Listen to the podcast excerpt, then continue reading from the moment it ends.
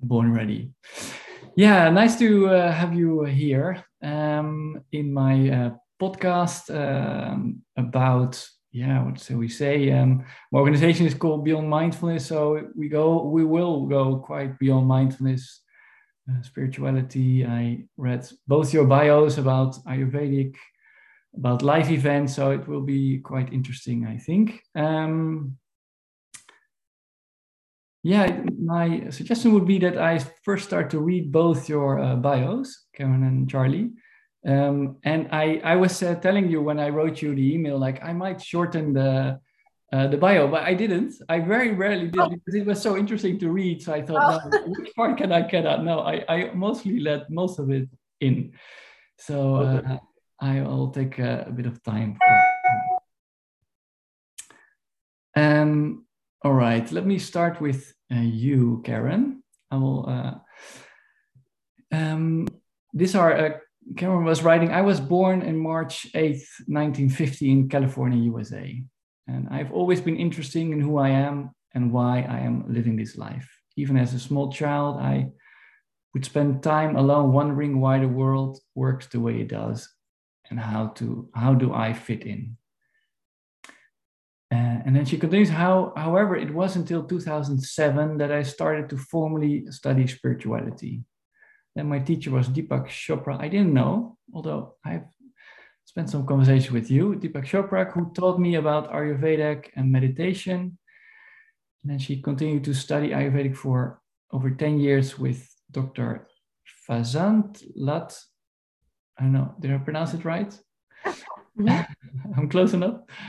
Um, and Dr. Sunil Joshi and Amadea Morningstar, all new names for me. Um, and uh, she continues, my first experience with Advaita um, was when a friend of her told her about uh, Rupert Spira. So we have that in common. That's where, where I know uh, Charlie and Karen from. We have spent quite some retreats in, uh, in Buckland Hall in Wales together with Rupert Spira. So uh, she's also saying like, yeah, I spent, uh, I attended quite some retreats in the USA and in the UK, um, and also following teaching of uh, Paul Selig, Selig, who's a channel mm-hmm. for the guides.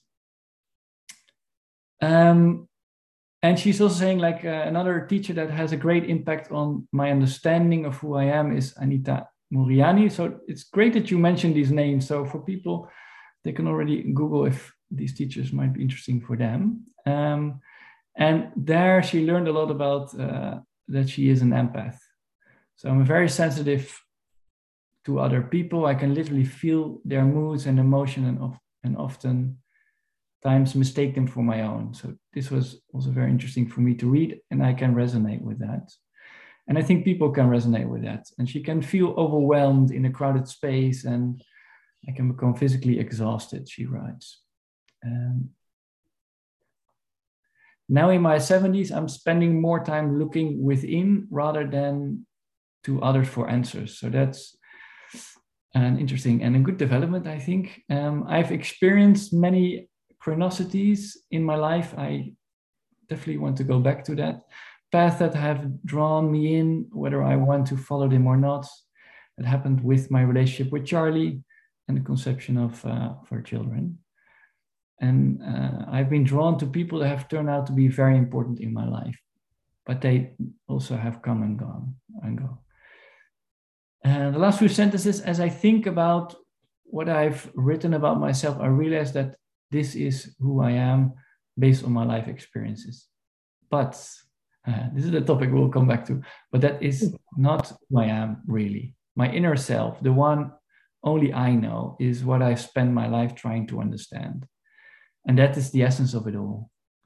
But trying to put this essence into words doesn't capture it. I will use this word to describe myself empath, seeker, connector, nurturer. Beautiful. I, I do, I will ask you probably to give words to it. yeah. Come back to that later. Yeah, thanks for uh, sharing that bio, uh, uh, Karen. Let me continue with you, Charlie. Um, or do you want to add something to that, Karen? Or you're good? No, I think that's does it. Okay, perfect. Um, Charlie. Charlie was born 1945. Uh, he grew up in Durham, New Hampshire. Uh, his father taught him chemistry at the University of New Hampshire. He has five younger siblings a brother born in 1949, a sister born in 1951, a sister born in 1953, and a brother born in 1955. And uh, a year later, another sister was born. At the age of 16, he went to boarding school for my junior and senior years in high school. And upon graduation in 1963, I went to Oberlin College in Ohio. Uh, upon graduation in 1967, I went to India for two years to teach English. Returning to the US, I joined the US Army in 1969 and went to El Paso to study Vietnamese. I have also questions about that. So we'll go back. Mm-hmm. I was against the war in Vietnam and applied for and received, uh, uh, maybe you can help me, Charlie, how conscientious? Conscientious, conscientious objector discharge. Yeah, okay, thank you. From the Army. Uh, and then I had a career in sales, selling industrial equipment. In 1976, I moved to Taos in New Mexico, where I worked in a restaurant. And it was in Taos that he met Karen. Uh, they worked together at the restaurant and ended up leasing it and running it from 1978 to 1940, 1984. I didn't know that either. That was interesting to read. Our son, or their son, Chaz, as was born in October 1978 in the summer of 1980. They built their own house. And in uh, 1982, I was born in between 1981. I started selling insurance. Uh, this would be uh, this uh, would have been my next career until I no that was his career until he retired in 2015. And their daughter Megan was born in 1983, and in 1984 they moved to uh, Taos, from Taos to Santa Fe in New Mexico, so a bit south. And uh, they lived in Santa Fe until 2020 when they moved to Albuquerque, New Mexico, to be closer to their son and daughter and their grandchildren. Um, they haven't said this, but I think uh, they told me that they are enjoying that part of their life a lot. yes. All right, correct? Yep. Yes, you are. yeah, great to read that. Um, can I start with a question which I was reading about your bio, Karen, when you were talking about um, synchronicities?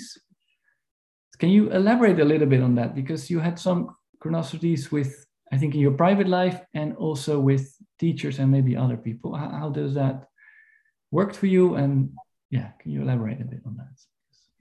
Yeah, I think I think the biggest one was when Charlie and I were in Taos we we met as and we were friends there and um, you know i knew him from the restaurant he worked in and then i decided to leave taos and i went to michigan with this guy that i met in taos and only stayed for about four months and my i decided to go back home to california where my parents were living and i drove we a friend of mine in Michigan wanted to come to California, so we drove back. And as we were getting into Colorado and towards New Mexico, we were going to Taos through Taos. So I thought, who do I know in Taos that I can say, hey, can I sleep on your floor tonight? Because we're on our way to California. And it was Charlie. I thought of Charlie. So I knew he was working at the restaurant where we had both worked. And I we went there and he was there. And Sure enough, he said, Yeah. And we connected, romantically connected then. um, my friend was very nervous. She said, You can't stay here. You have to go take me to California. Mm-hmm. So we, we left Charlie, went to California. And about four months later, I moved back to Taos. And Charlie and I have been, that was in 1977, six, six, six. and we've been together ever since. And then when our son, when I got pregnant with our son, it was something that we didn't plan, that we were both using contraceptives. So it shouldn't have happened, but it did. And we decided, yeah, that that was something that was meant to be. So we did that. Mm. Um, other, you know, it, it, things like um, when I I was at a Deepak Chopra event and I was living in Santa Fe at the time. Um, and one of the speakers was Dr. Sunil Joshi, who I mentioned. And it was just like he came up and he started talking about Ayurveda and Panchakarma, which is a Ayurvedic cleansing program, and that he was that he would come from India to Albuquerque, which is 50 miles south of where I lived, and do the Panchakarma there. And I just was so excited because that's something I always wanted to experience. So I just happened to be there and I got this great connection with him. Um, one other one was when I learned about uh, Rupert. I had a friend in Santa Fe and she went to Denver my recollection is she went to see Rupert in Denver, but she told me about his book. And I, so it was just like it just dropped in my lap. And I read the book and then I became a follower of, of Rupert. So just little thing, things like that, you know, just things just show up when they need to show up. Do so, you have like an, an, an, an explanation for that? Like, eh, do you have an, is that happening by chance or is that like meant to be or? I, I I feel like it's meant to be that there's a kind of a path. I mean, I think Charlie and I, one of the things when I said whether I wanted to or not, when Charlie and I got together and we, I mean, there were times when I didn't want to be in that relationship with him.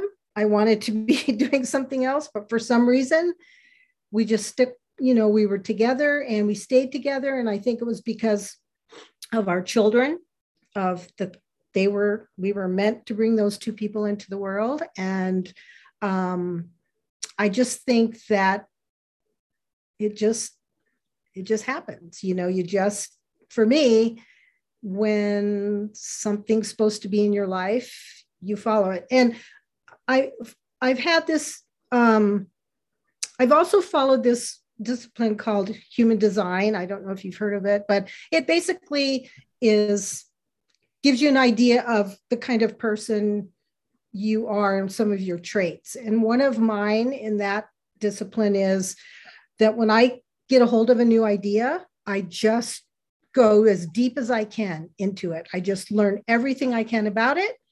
Then I get to a point where I just say, okay, I'm done with that. And I move on to something else. And that's a trait of mine. So that seems to be what's happened in my spiritual life is, you know, studying spirituality. Yeah. That i have that. Yeah. Okay. Interesting. And charlie how is that for you? These, these terms um, yeah. you know one of the things that comes to my mind is going back to when we met and got together and we had children and then fast forward years later our daughter megan um, was just totally determined to go to uh, a university or a college on the East Coast uh, in performing arts. And so she applied and was accepted at NYU, New York University in New York City. And so there she met Joe, who became her husband uh, a number of years later. Mm. Joe became an attorney and was transferred his company transferred him to London. So, um, what was my Vedic chart? Oh yeah. Has, so so there's Vedic astrology is a is a little different than Western astrology. So uh-huh. Charlie had his chart done. And what is it? Nine. They have houses, and he had nine planets in the house of travel, which Go ahead and explain. Yeah, so, so, so I think that goes back to wanting, well, going back even further. Before I went to off to university, um, my father actually taught chemistry in India for a number of summers. Mm. And I was fortunate enough to go and spend one summer with him in India when I was about probably 18. So it's I've always had this whenever an opportunity comes to travel, it's like, yep, I'm there. We're going. So obviously when our, our daughter um, and her husband and their then six month old, our six month old grandchild moved to London, it was, we're going to London. Well, that's how it, it the, the synchronicity of that, of, of Rupert then at that time having these um, retreats in Wales at Buckland Hall. Um, it was, and Karen said, Well, let's go. And I said, Okay. I mean, we're going to be in London anyway. It's just a, a short train ride up, up, up there. So mm-hmm. that's kind of, I've, you know, kind of following Karen's path. It was very easy, but it's the, if our daughter hadn't been in London, we might not have gone to Wales. Would we go two or three times? I can't yeah. remember. Three, three, maybe three times. Yeah. yeah. So it, it's it's that, you know, it's it's that whole momentum of life, I guess you would call it. Yeah, yeah, yeah, yeah. That makes sense. Nice. I was I was um read I saw a YouTube clip of uh, Rupert by chance. I'm not watching so much clips these days, but and he was someone was asking a question about how how is life structured and is there like a plan or not? And and he was saying maybe he, you have heard him saying but uh, i really remembered it. He said yeah god is a, a jazz musician. God is not a classical music so it's not like completely uh, this is view, his view uh, like completely orchestrated in this way but there is like a certain momentum or a certain movement or I, I really that resonated with me. Yeah.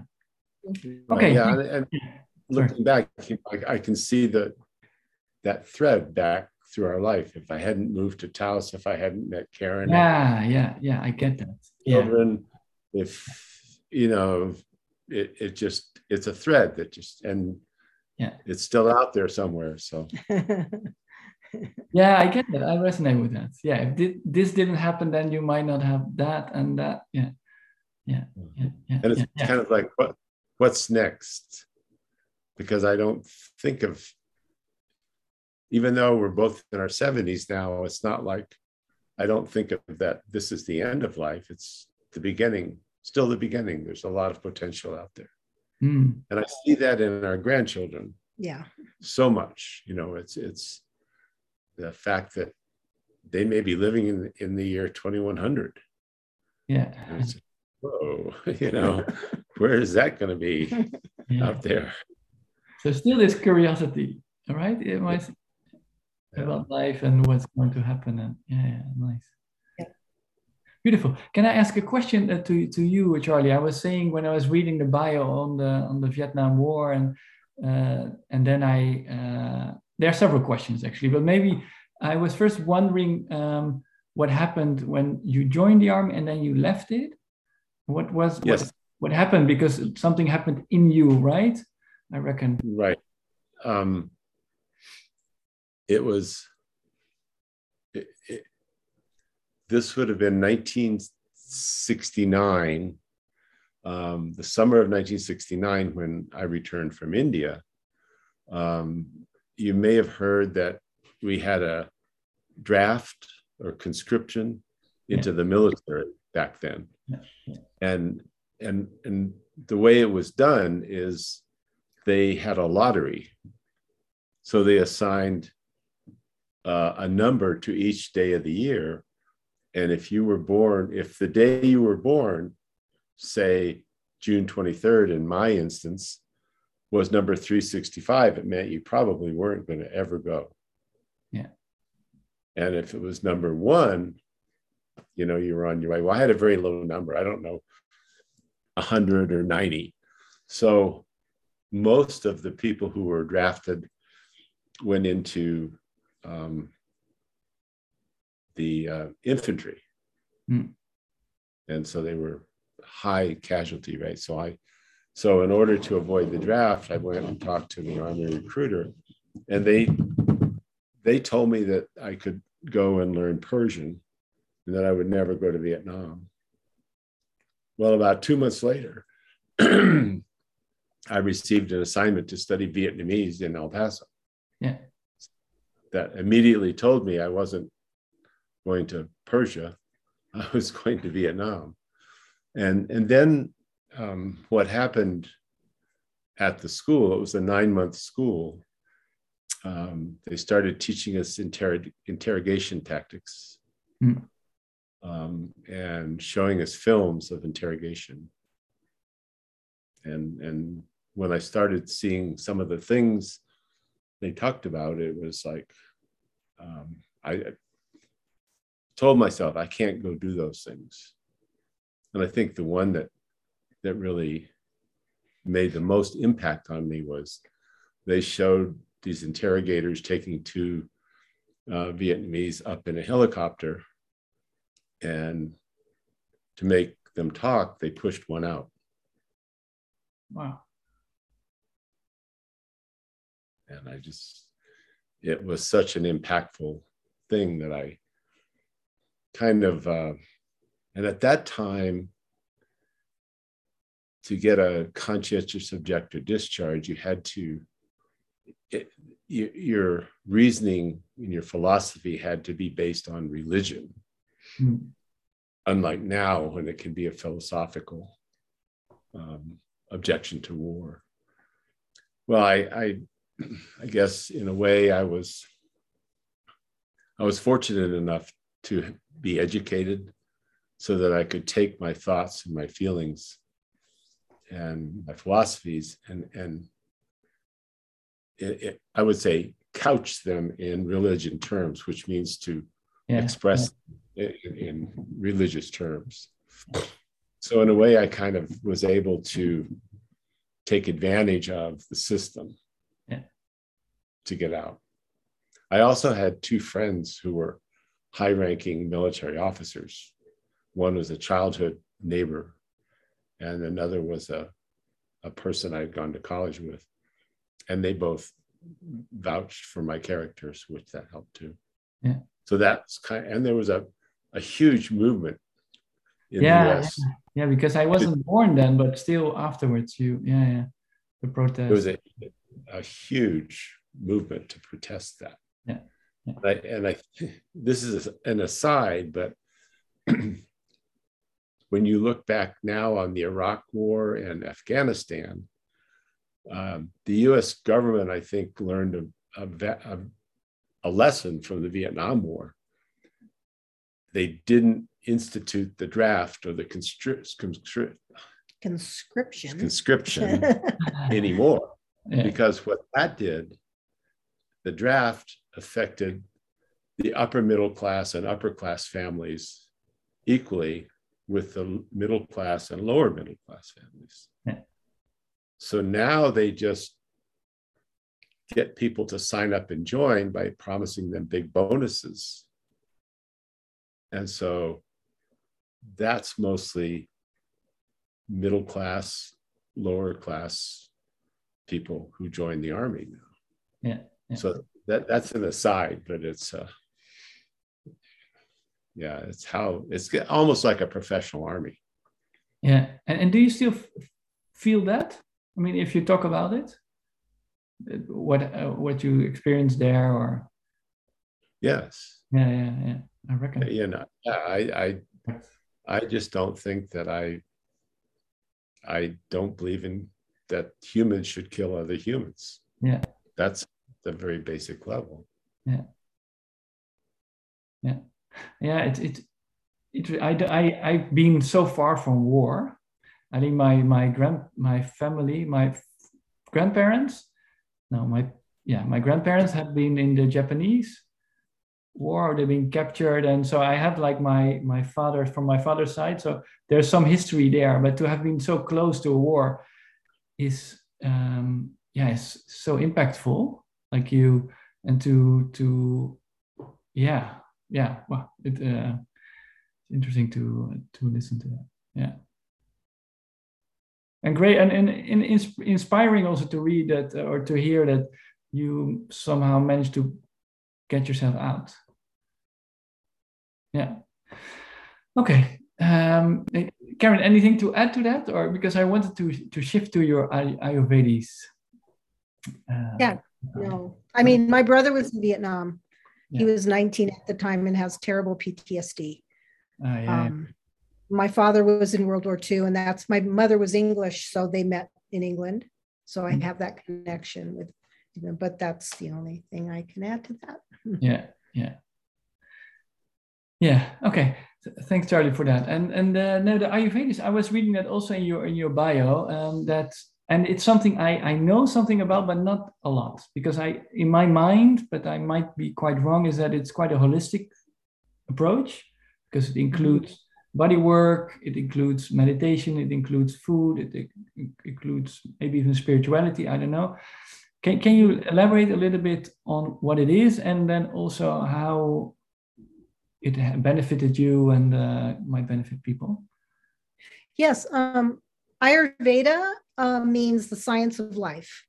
So basically, um, like you said, it just incorporates your physical being, your spiritual being. Um, I was really drawn to the the food and nutrition side. That's the part that really uh, resonated with me because, you know, in the West, it's you're like you sh- you know every week there's a new thing you shouldn't eat and you know then a month from now it's okay to eat that you know? So it's just very you know and hmm. and it's all commercial and everything. But in ayurveda there are um, three kind of body types or um, prakritis that people have. They're born with them. So you're either vata pitta or kapha and it's based on physical traits as well as emotional states, how you react to certain things. So, for example, I'm very pitta. Pitta is the fire and water. So, I tend to be, I can, when I'm not balanced, I can be judgmental. I can be very fiery. It's like pittas blame everyone else for everything. Um, they shouldn't eat hot and spicy foods. They should eat cooling foods. So there's food is is basically broken down in its qualities and how it impacts the body. Hmm. um, then you're right there's like there's yoga and then it's it's ayurveda comes obviously it's a 5000 year old um, healing practice in india but it's it's not not everyone in india practices it. Um, vegetarianism can be a very big part of of ayurveda but not necessarily because when you look at the foods that different um, prakritis can eat there's meat is involved and sometimes people that are very kind of sickly and and not doing very well need meat to build themselves up. But a lot and it's also based a lot on your digestion and how strong your digestion is. So um, it's it's very detailed, um, and the way it's helped me and also with Charlie because it was very mm. interesting when I first started studying Ayurveda. Charlie, I'd say, "Oh, I want to go to this retreat," and he'd go, "Yeah, go, go, go." So I'd go, and then I'd come back with all these great recipes and food and him being living in India, he loves Indian food, and a lot of it, you know, is based around Indian spices and foods. And so I would always come back with all this great, you know, recipes and cooking, and um, and it it's it's just a lifestyle. You learn how to read your own body and diagnose what you need to do, either with food or with sense or with nature how to get yourself back in balance. And um, uh, so it's and and in ayurveda the doctor if the doctor there's a kind of a, a little story. If a doctor goes into a village and everyone is doing well um, then he doesn't need to be there you know but if everyone's doing well not doing well then it's kind of on him i mean it's kind of like uh, the doctor's supposed to teach you how to do self-care mm. how to heal yourself it's not up to them to make you better although they can use herbs but it's up to them to teach you how to keep yourself healthy and Yeah. strong and all that. So Yeah. Yeah, Quite it's different very- than our system, right? yeah, very Yeah, I- very different. And I think for me, the the part that Karen brought back and that that resonates with me is the nutrition part and how to eat. And and I'm and I can very much get in touch with when I'm not feeling good, when I'm tired and sluggish, then I know and like I can identify I've eaten, I've been, I haven't been eating the type of food that I should be eating. Mm. and and then sometimes we'll we'll eat properly for maybe three or four or five days and you just feel really good you know? It's like and the other part of it that karen didn't talk a lot about was the panchakarma part. Yeah, well, which the, is a big part of ayurveda yeah, well, the just the way that it, it can be a week long um, process, but you basic it basically involves moving all the toxins that you've built up in your body moving them to your digestive system and flushing them out and you do that through massage and different types of treatments um, enemas steam, yeah, um, herbal enemas.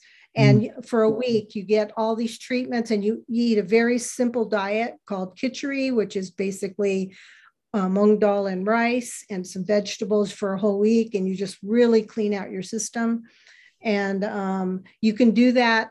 There's some great companies around that have those products. Banyan Botanicals is one that here in in Albuquerque. Um, there's a lot of Ayurveda actually here because Dr. Vasant Lad, who's from India, had his school here for over 20 years. He just recently moved to um, Asheville, North Carolina. But but it's just there's just um, you can just really tell when you need to like and and in Ayurveda it's you can eat anything you want, but you have to depending on your body type you have some things of those some foods you eat more than others but you have to always have a little bit of all the different tastes it's just there's a lot to it it's very complicated Yeah, I reckon.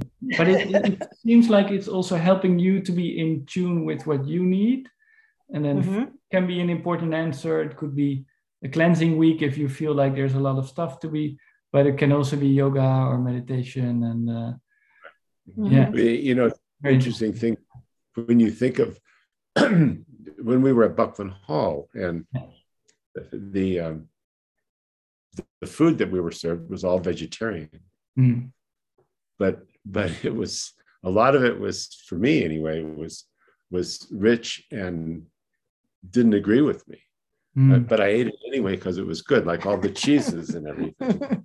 So it's you know you can't just say oh yeah be a vegetarian because that's going to be okay because there's a lot of food in vegetarian diet Yeah. that may not suit me right as a kapha Yeah, because but it, then you need to have this background because if Yeah. you don't have this uh, structure to to place it in, uh, at least I can speak for me. I don't even think about that. I, I That's had to think about it because I had digestion problems. I think eight years ago when I came back from Tanzania. Like, and then I had to find out, and I also went to someone who explained me, and they did like this kind of bit more alternative way of measuring what food suits you. And then I started to notice, like, yeah, what Right. kind of food does actually, I don't know how you said it, but like uh, that does actually um, my body likes or wants to eat. So not so much what I think that I should eat Yeah. because I desire uh, cheese, and it- but what does my body respond to, and then go from that. That's I think in in general in life, I think Ayurveda can then be very very helpful to Yeah. not only. That's what I'm learning the last few months actually, how much your body is telling you and how much I'm ignoring it, or I I try not to ignore it, but unconsciously you can ignore that. So Well, I had an interesting experience actually at a Rupert retreat, the one I went to in California before we went to Europe. And there was a woman there who was not well. She didn't feel well. She her digestion was terrible. But instead of eating the food at, and she was from California, eating the food that they offered there, which wasn't the best food. But anyway, she was into that paleo diet. So she and a, there were two or three other people that she was with that would go into town and go to this juice bar and get like a, a um, smoothie. a smoothie, you know, vegetable kale and all that stuff, you know, a smoothie. Well, so I was talking to her at one point about Ayurveda, and she was very vata. Vatas are very thin and light, and they need lots of heavy, warm food. Mm. And she was eating these cold salads and smoothies, and that's all she ate. And so I just kind of said to her, you know, you, you're just creating your own problem this way. I mean, I'm sure you've heard that paleo is this great diet, and you know, which is part of what I said about you know in the in the West, people just go to these different diets and they just they read about them and they believe that that's best for them and they try it and it may not work, but they keep doing it anyway and I just from the from the mind, right? It's, it's yeah, right, right, right. You're not listening to your body, yeah. even though your body is just like exactly protesting for you, and you're sick all the time. And yeah. I told her, said, you need to be eating warm food. You know, don't eat anything cold ever. I mean, Ayurveda, you never drink ice water or any kind of cold drinks with meals because your agni is a fire in your belly that digests your food and you don't want to put it out with like cold things right? So she started eating some of the warm food they had there and she said she started to feel better. So it sometimes it's not as easy as just you know eating something warm because you may have some other issues but you know it's just amazing how people um they they feel terrible. And people people will get into their 50s and they've been abused. You, the body the human body will handle a lot for a long time. But if you have people that have been abusing their body for 50 some years with the food that they eat and their their emotional life and all that right around then you see these people they're on oxygen they're in wheelchairs they can barely walk they're overweight you know they they've just their body has just gotten to the point where there's no return. And actually in ayurveda there's six levels of disease. And ayurveda if you're in the first three ayurveda using ayurveda can help reverse some of that. But if you get into the last three where you get these you know heart disease diabetes things like that you can't just turn it around. Mm-hmm. ayurveda can't just be the magic pill you know you you really have to go through some serious lifestyle changes. That's the biggest thing. And when i tried to practice ayurveda and i would have clients they wanted me to give them a, a like the magic pill. Yeah. give me something that i can still live this lifestyle that i'm living but i'll feel better. And it's like you can't uh-huh. you have life it's a lifestyle change when you follow ayurveda so you have to decide. And I'm over the last few years, sometimes I follow it and sometimes I don't, you know. Mm-hmm. I mean, I, you know, but at least I know when yeah. I feel a certain way what I need to do. Yeah. Yeah. To kind of get myself back. So so you yeah. you can go on and Google Ayurveda and this you'll probably find like a little quiz. Oh yeah. Or the dosha quiz. A dosha dosha quiz. The doshas are pitta, kapha, and Vata. Vata. So go and and take a dosha quiz, and then you'll maybe learn something about you. I will. I, I did. I did once, but I I would like to move to another subject. But uh, I did yeah. once uh, a massage uh, therapy thingy, yeah. and I was also what was I? Uh, Pitta and Vata, something like that. Mm-hmm. And it, it was interesting because I think the guy was saying like you have more Pitta in you than you show so there was some suppressed, yeah. something like that. So it was very interesting, and the whole food thing. And um, but I will do this. I'll do it again. Yeah. Ten years Because I'm like kapha pitta. Mm-hmm. I'm mostly kapha. Yeah. So I can eat chili and spicy foods and all that stuff to get me going. Yeah. You know, yeah. but Karen, who's not so much Pitta Vata, yeah, those foods don't. Yeah, they well, she can eat them, but it changes the balance. Yeah. Right. Yeah. Yeah. Okay. That's very interesting. And that gave me, and I hope uh, also other people, a bit of an idea of what it is and how it can uh, can help us. Um, I was uh, was interesting reading both of your bios. Normally, I would just ask questions, but your bios were quite interesting because I read quite a bit on in Karen your bio about spirituality, your essence, and in your bio, Charlie, I didn't read anything on that, more or less, or maybe I missed it. Is that?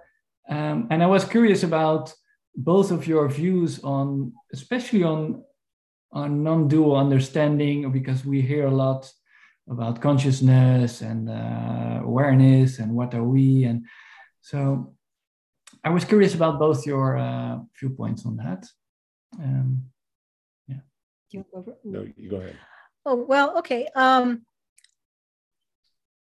I like I said in my bio, you know, I've I've followed different teachers, and I think because they had a an interesting point or part of their teachings that I really needed to understand. Um, but I, I think the hardest for me was Rupert, you know, the non-dual, the trying to get to that place where you find your true essence and it's not your body. Since then, I I think I'm more, I tend to to Karen, sorry, were you saying the hardest? Or what were you the saying? hardest. The- Yeah, the hardest to understand was Okay. to integrate Rupert's teachings. And I think since then I've I've kind of moved more towards we're we're here in a body and we have to deal with this world and the things that have happened to us in our life they really shape who we are. Um, but how i mean we all know that we are this i am we you know this essence that has nothing to do with who we present as in the world as who we are. Um, and so when i like when i talked about Anita Moorjani being an empath i i really did i knew i was kind of an introvert to a certain extent. I don't i like being on my own. I like being with myself.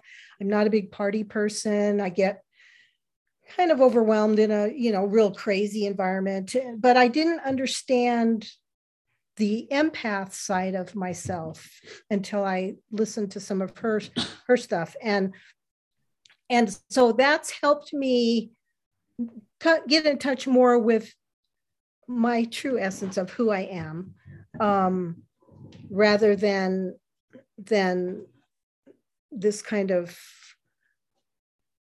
I don't know. I don't know how to explain Rupert, but you know the the kind of non non person, the no Yeah. boundaries, Yeah. all that stuff. Yeah. So so. I, I yeah yeah so um, there's some teachers out there that i've listened to that talk a lot about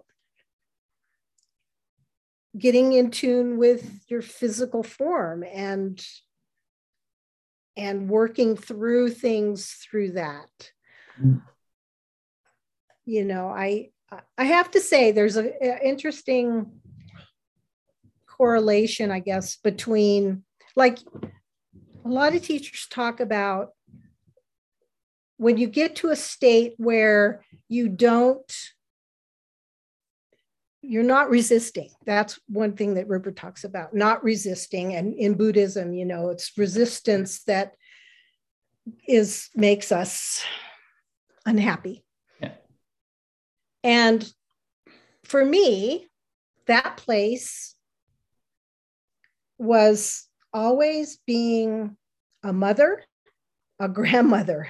When I'm with, when I was with my children, or now when I'm with my grandchildren, I don't even, I'm just like in this bliss of, you know, just like I don't feel any resistance. I don't feel like I, I don't have to think about what I do or how I react or anything. It's just for me. And that's part of my i've learned through the years part of my essence is that i'm a nurturer and that i that i love being that to people. I love just being there, being in contact. I don't know, it's hard to explain, but can I, if I uh, uh, summarize it in my own words, it, are you saying that because you uh, get more an idea of who you are, and I don't mean the spiritual uh, higher one, but like the empath and the more nurturer, that it gives you a lot of acceptance of who you are, and from that you can freely move in that role of your of being a mother or uh, for your grandchildren, and because it, that's, am I translating that correctly? Yes, exactly right. Because it's like you're so accepting who you are. So it's a different way than I ever ever heard actually.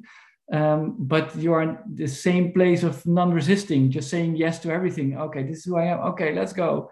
And maybe it's different for other people, but this is how I work. Right. Yeah, nice. And you know, and it gives you a bit more concrete uh, handle, right? Then it's more uh, higher. Uh, Right. You know how people, Rupert talks a lot about, you know, artists or creative people, they get into their, whatever their creativity is, and they just lose all. Yeah. Know, time doesn't exist. And, you know, and, and in, and in our culture and me coming from the 50s and the 60s where girls and women weren't allowed to do, I mean, I was a very good athlete as a child and a baseball player, but I wasn't allowed to do that because girls and women weren't allowed to do that. And it's still like that in many areas, you know.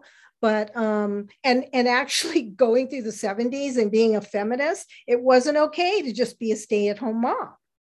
Why aren't you out? You know, you I'd go out and meet people and they say, Well, what do you do for a living? Yeah. Well, I stay home with my children and i and it wasn't okay to say i mean it just people didn't accept that as a a, a lifestyle or a vocation or whatever but for me even since i was a small child i always wanted to be a mother with kids yeah. and you know sure that could have been from my upbringing you know at that time period but it's turned out that that's exactly what fulfills me, what makes me feel centered and at and at peace and just flow, you know. Mm-hmm. And it's taken me a while to actually understand that about myself. Interesting. And it's nice to hear that you are a lot in the flow now, right? Yeah. Like, mm-hmm. and more, yeah. I, I always have to think of uh, sports. Like when uh, there's, uh, I think there's an, um, uh, anyway, so there's a lot of written about flow in sports because I, there I can relate with it. You lose, you don't think about how do you hit your tennis ball or your throw your ball in the basket, or you you just at a certain amount you lose yourself in the game somehow in a, in a positive way. Yeah, mm. yeah, I, I like that, Karen. Thanks, Charlie. How are you? Yes. and was it a coincidence that I didn't read anything about that? Is that something you you you you you maybe do something with or or don't speak a lot about or is that was it just coincidence you know i think it's maybe something that i just don't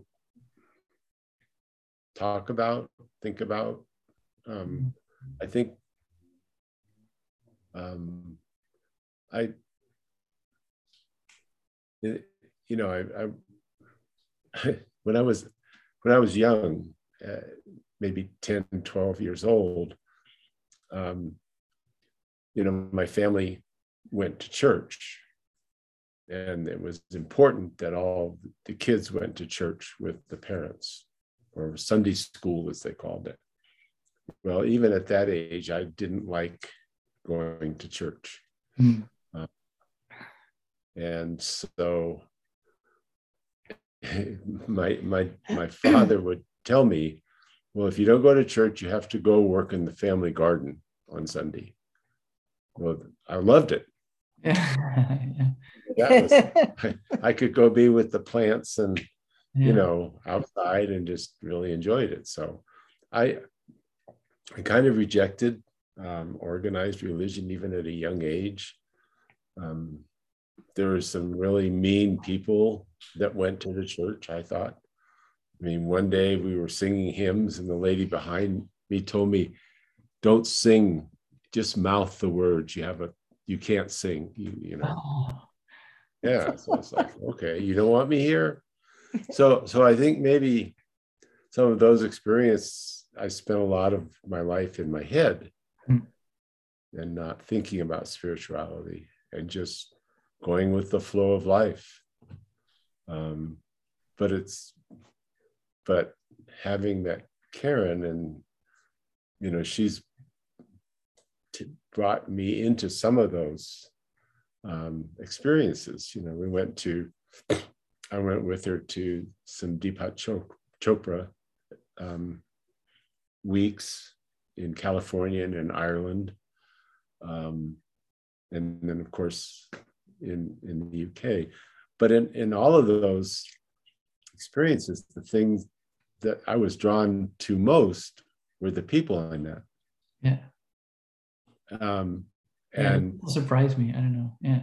and, and the conversations and the exchange of ideas with people. And it was you know people from all over the world um, and it just made you know it it, it reinforced what i had um, learned during my travels although i didn't realize i was learning it when i was in india and and so forth but is that people at their essence we're all the same. Mm. You know our being everybody is a being. And there's you know there's cultural and emotional and baggage for everybody but uh, i think that's the thing that i enjoy most about those retreats is the people that i would meet and the exchange of ideas. And you know we still have a number of people like you that we communicate with from time to time and Yeah. we keep thinking well someday we'll go and meet all these people again and you know but but yeah i i, I don't think i mentioned that because i haven't been on a real spiritual path No, no. where of my whole life Can I make a comment about that? sure Uh, think about it, of course. Yeah. Well, Charlie is just innately spiritual. He's just one of those people that mm-hmm. just is knows who he is. He's grounded. Yeah. He doesn't have to like search for who. Mm-hmm. I mean, that's my just my personal opinion about being with Charlie for 30, 40 some year, 40 some years. He's he's just I mean, for me, I gotta find it. I gotta I'm like search you. for it. Like you. You know, yeah, yeah. Yeah. But he, I mean, you know him, Mark, to a certain Yeah, but extent. I, I, I resonate with that. Yeah. easygoing, just and he just has a real kind of he doesn't make a big deal out of it, but he just is real comfortable with just himself and life. And he's, Yeah. you know, he doesn't, it's it's like he's in the flow with that. yeah i think that's pretty accurate And very grounded. That's what I get a sense. Yeah. Very, Yeah. very grounded, like um, stable. And it even it calms me also down when to have people Right. like this around you. I don't know how that is for you, uh, Karen, in in your relationship. Actually, That he might be drives me crazy. he drives me crazy. but we're so different. You know, I'm just so kind of like out there and you know trying to just learn and find things and and when i want like we have this kind of joke between us it's like when i come up with an idea for something like oh we should go do this it's like you know for him it's like the deer in the headlights he like just goes because his kapha his groundedness can't shift from one thing to another without kind of processing it and going through it and you know really you know and so he just you know Yeah, but but- eventually he's okay but it's just yeah it's it's see. we're so opposite i think that's why we can Yeah. be together for so long because we're just total opposites yeah if you if you want me to to do something different or to come along on your path then i need maybe throw it out there and say, let's talk about this tomorrow. Yeah. And that gives me, and I probably won't even consciously think about it for those 24 hours. But the next time that idea or suggestion comes up, um, yeah, I'm fine with it. Yeah. Yeah. Um, yeah. It's so interesting how we are, how we can be different, and and how, how you say your relationship. I'm curious about that now. So you're so different, and that works. Why does it work, or how, how would you say that? That's yeah. Well, I always tell people that if Charlie was a pitta like I am, really aggressive and really just like I have to have my way. I'm always right, right? Because that's what pittas do. Like they're very much right all the time. And he was like that too. We would have just been clashing. But like Charlie always just lets me be who I am. He lets me ramble on. He lets me do this stuff. Sometimes it's not pretty. Sometimes I can be very cruel and judgmental and all, you know, and he just is patient and he doesn't, you know, sometimes it'll bother him and he'll tell me about it, but it's just, we just, he allows me to be who I am. And um, he's so confident in who he is that if I criticize him at all for anything, he he could care less. It doesn't mean anything to him. He doesn't react to it. I, I, and I think it also goes back to the way that we were each raised, because we were raised in families where the father was the provider and the mother was the caretaker, the nurturer. Uh, so both in my family with six children and her family with four children, the mother was the one who spent most of her most of the time with the children yeah. and the father was providing right and, and that was a role those were roles that we very easily slipped into except but, but the difference is is that in my family my mother was the boss and she nobody did anything that she didn't like it was the opposite in opposite, Charlie's yeah, family. That's true. And so the women, so my, I have two, a sister and two brothers. My sister and I are the most successful as far as just living in the world, and our lives have been kind of the most successful. And my two brothers, not so much.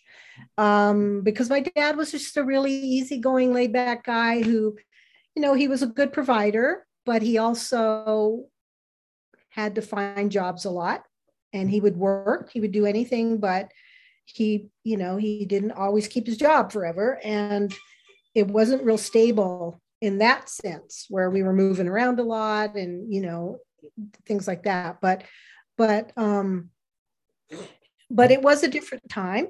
And, you know, my daughter is so totally different than I was at her age as far as just she has claimed her power in this world and she's not going to give it up to anybody.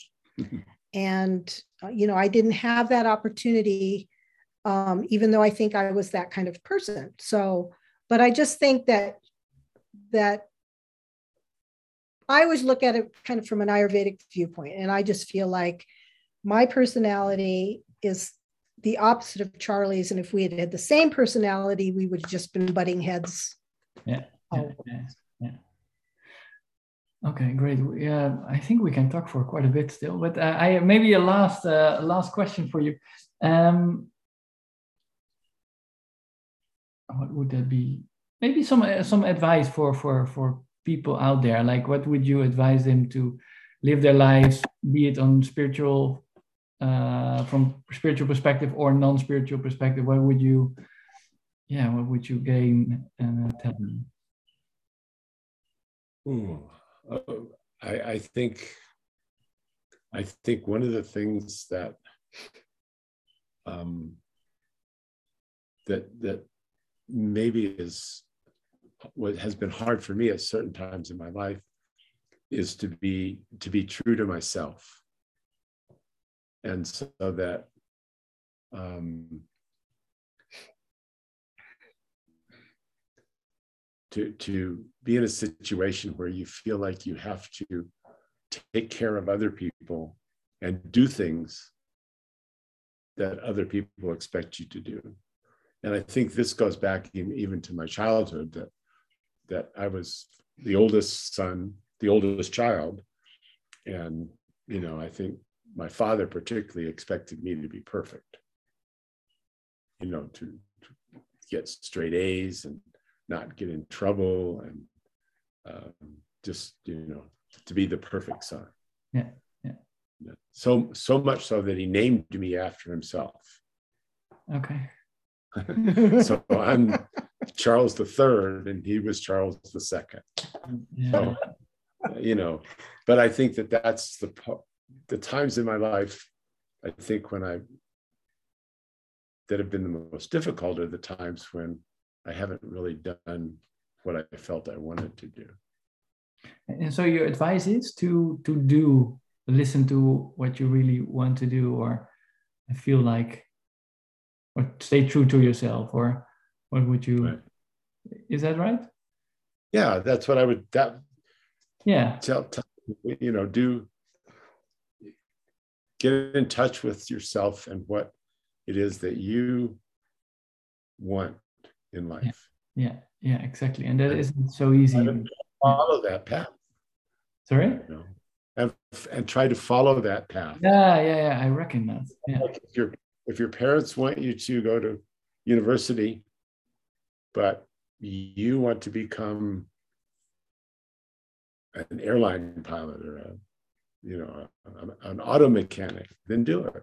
Yeah, yeah, exactly. Yeah that's easier said than done, but it's a beautiful advice. It is so much. I, I would... yourself and to feel like what do I really want to do with all the indeed conditioning from our backgrounds and on and on. Yeah, yeah. Okay, I love that. Thanks. Yeah, Karen, you have the last words as always. Oh boy. I well, I think on similar lines as that. Um, I think that we need to kind of we live in a world that is so it's so masculine. I mean the approach to the world is masculine. The approach to the world is people who are extroverts. So everyone's expected to be an extrovert to be out there to be just like going for it all the time making more money acquiring more things you know. And if you're an if you're an introvert or if you're someone who's very sensitive, um, you need to, to understand that about yourself and accept it. And it's not accepted in our culture. Mm. People who are in school, like you go to school, if you're too sensitive, the teachers are always, you know, they're they're criticizing you, they're telling you you need to be more like this outgoing person. But and so that can just really like mess you up if you just you just really have to kind of like and take time out in the day. You know like one thing they say about pittas who are very active just take 10 minutes to sit quietly and just think or just you know don't do anything because you can get to a point i i had a job for a while where i worked six days a week 12 hour days. I, you know, I never took a break and I just totally burned out. Mm. And all I needed to do was just a couple times a day, just take 10 minutes to sit quietly and just, whether it's your lunch break or whatever, you know, it's just so important to just take a few minutes, a couple times a day to just like rest within yourself and then you can get back out there and you can do all that stuff that this world demands of you. But as you get older, like us, you start to realize, you look back, you look at that thread and you realize the things that you did and you know how pushed you may have been or whatever because you just had to keep up all the time you had to keep up and you know really to survive through your 30s and 40s into later life you really need to learn how to give yourself some space and to just be who you are and you know And if you're an outgoing person, then go for it. But if you're not, you know you you know you're not because you go to a party and after 10 minutes you're ready to go home. And you want to be by yourself. Mm-hmm. so yeah, so. Yeah, beautiful. So, Mark, here's one of the best things about Ayurveda that I think you might like that Karen taught me is that when you're ready to eat, you should eat your your dessert, your sweet first. That's right. In Ayurveda, eat your sweet I'm not first. sure if I'm so on board with that, but okay, go on. Yeah. But because can I also end with the dessert, or is that not possible? Well, you can. What happens is is that your food it layers in your stomach. If you put oh, yeah. sugar on top of everything else, it starts to fer- ferment because it's not being digested, and that's how you get indigestion. But if you hmm. put it on the bottom, and then the last thing you put is greens and salads and things like that, that's the then everything just goes really nice. No, we don't do that. We don't. We don't do. Nobody does it. But, but I've tried it a few times. Yeah, it it's interesting. yeah, it sounds so simple. No, it sounds so light actually. but yeah. it's not okay with most people, right? So, but, it, but the same thing is for me. It's like uh, um, with Italian food. Sometimes they give you like three um, courses, but not right. the complete meal, and that makes so much sense because you have a course, you have your stomach can digest. Half an hour later, you get another one, can digest. Instead of in, in Holland or many countries, like you get potatoes and meat and salad, everything at once in, and then your body has to digest very quickly. It doesn't make sense. You know, all these kind of things we do automatically. Well, there's one other thing too that Charlie and I've been doing a lot lately is that your digestive fire is the strongest between 10 a.m. Is it 10 a.m. and 2 p.m.? So you should eat your biggest meal of the day at lunch. Yeah, that's yeah. because that's when your body can digest it the most. If you eat a huge meal before you go to bed, you're going to have trouble sleeping. Your digest digestion is going to keep you awake. So that's another thing that Ayurveda says: eat your big meal at lunch. okay, take it back home and other things. It was really wonderful. It went so quickly the time. Thank you so much. Yeah. I really, We'll have to do it again soon. or just yeah. talk to you. yeah, yeah, yeah. interview all my wisdom. So um, um, thanks for listening for the people who have been listening to this and thanks a lot for you both to have been sharing this and uh, it was very interesting uh, and also because i know you but also some parts i didn't know and uh, it, it really brought up my my curiosity so yes i might uh, come back to the whole ayurveda and all the other stuff so thank you for that. Okay, okay thanks, Mark. Bye, Mark. Bye.